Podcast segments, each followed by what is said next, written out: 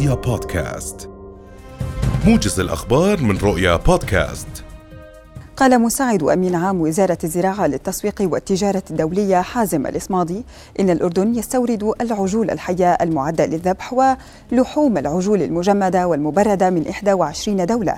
في سياسة اعتمدتها الوزارة لتنويع مناشئ الاستيراد. وأضاف الإصمادي لرؤيا اليوم أن وقف استيراد لحوم الأبقار والعجول من ثلاث دول مؤخرا بسبب جنون البقر لن يؤثر على كمية اللحوم في السوق المحلية مبينا أن إرسال عمليات اللحوم التي جرى شحنها قبل قرار حظر الاستيراد سيتم التحقق من سلامتها حال وصولها.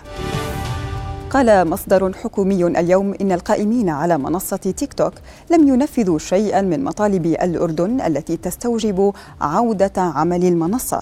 وأضاف المصدر الذي فضل عدم الكشف عن هويته لرؤيا أن الفريق المكون من الحكومة ومديرية الأمن العام طلب عدة أمور من القائمين على منصة تيك توك ولم ينفذ أي من المطالب حتى الآن. وأوضح أن الحوار القانوني التقني الفني مستمر بين الأردن ومنصة تيك توك. دون الوصول إلى نتائج جديدة. وبحسب المصدر ذاته فإن الحوار يتمثل في ضبط معايير نشر الفيديوهات على المنصة أسوة بالمنصات الأخرى.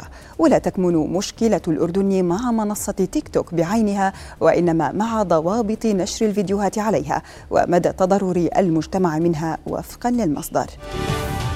أخمدت كوادر الإطفاء في مديرية دفاع مدني العقبة مساء أمس حريقا شب في إحدى ساحات الخردة بالقرب من المنطقة الحرفية في المحافظة.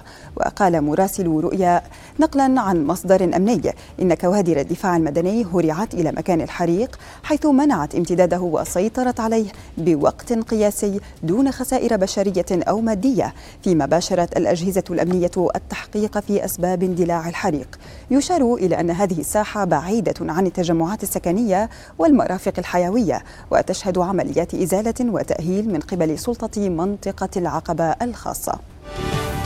تراجع وزير مالية الاحتلال الإسرائيلي بتسلائيل سموتريتش عن تصريحاته حول محو بلدة حوارة جنوب نابلس. وبحسب صحيفة عبرية ادعى سموتريتش بأن تصريحاته زلة لسان رافضا في الوقت ذاته اعتبار اقتحام المستوطنين لحوارة وإضرام النار في منازل وسيارات الفلسطينيين إرهابا. وقال سموتريتش إن اقتحام حوار في نابلس بالضفة الغربية يمثل جريمة قومية خطيرة جدا لكنها ليست إرهابا. تظاهر أكثر من 160 ألف شخص في تل أبيب ومدن أخرى مساء أمس للأسبوع التاسع على التوالي احتجاجا على تعديل مثير للجدل للنظام القضائي طرحه رئيس وزراء الاحتلال بنيامين نتنياهو ويعتبرونه مناهضا للديمقراطية. وهتف المتظاهرون بعبارات تصف التعديلات بالعار. رافعين أعلام الكيان. ووقعت اشتباكات في تل أبيب الأربعاء الماضي بين المتظاهرين والشرطة التي استخدمت خراطيم المياه وقنابل الصوت لتفريق الحشود. وقال مصدر طبي إن أحد عشر متظاهرا تلقوا العلاج في إحدى المستشفيات. دعت الأمم المتحدة الدول إلى الإسراع في استقبال لاجئين سوريين من المناطق التي ضربها الزلزال في تركيا.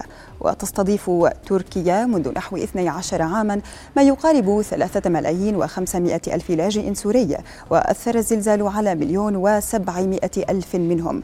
وقالت المنظمة الدولية للهجرة التابعة للأمم المتحدة والمفوضية السامية للأمم المتحدة لشؤون اللاجئين في بيان مشترك إن الكثير من اللاجئين الذين فروا إلى تركيا بحثا عن الأمان والحماية يواجهون الآن صدمة الخسارة والنزوح مرة أخرى بعدما فقدوا منازلهم وسبل عيشهم. قال الرئيس الأمريكي السابق دونالد ترامب إنه لن يكون من الصعب عليه وقف الحرب في أوكرانيا خلال 24 ساعة إذا أعيد انتخابه رئيسا للولايات المتحدة. ورفض ترامب في المؤتمر السنوي للمحافظين الأمريكيين الإفصاح عن خطته بشأن حل الحرب في أوكرانيا وما هي الإجراءات التي سيقوم بها مستدركا أن الكشف عن هذه المعلومات لن يسمح له بإنهاء الحرب.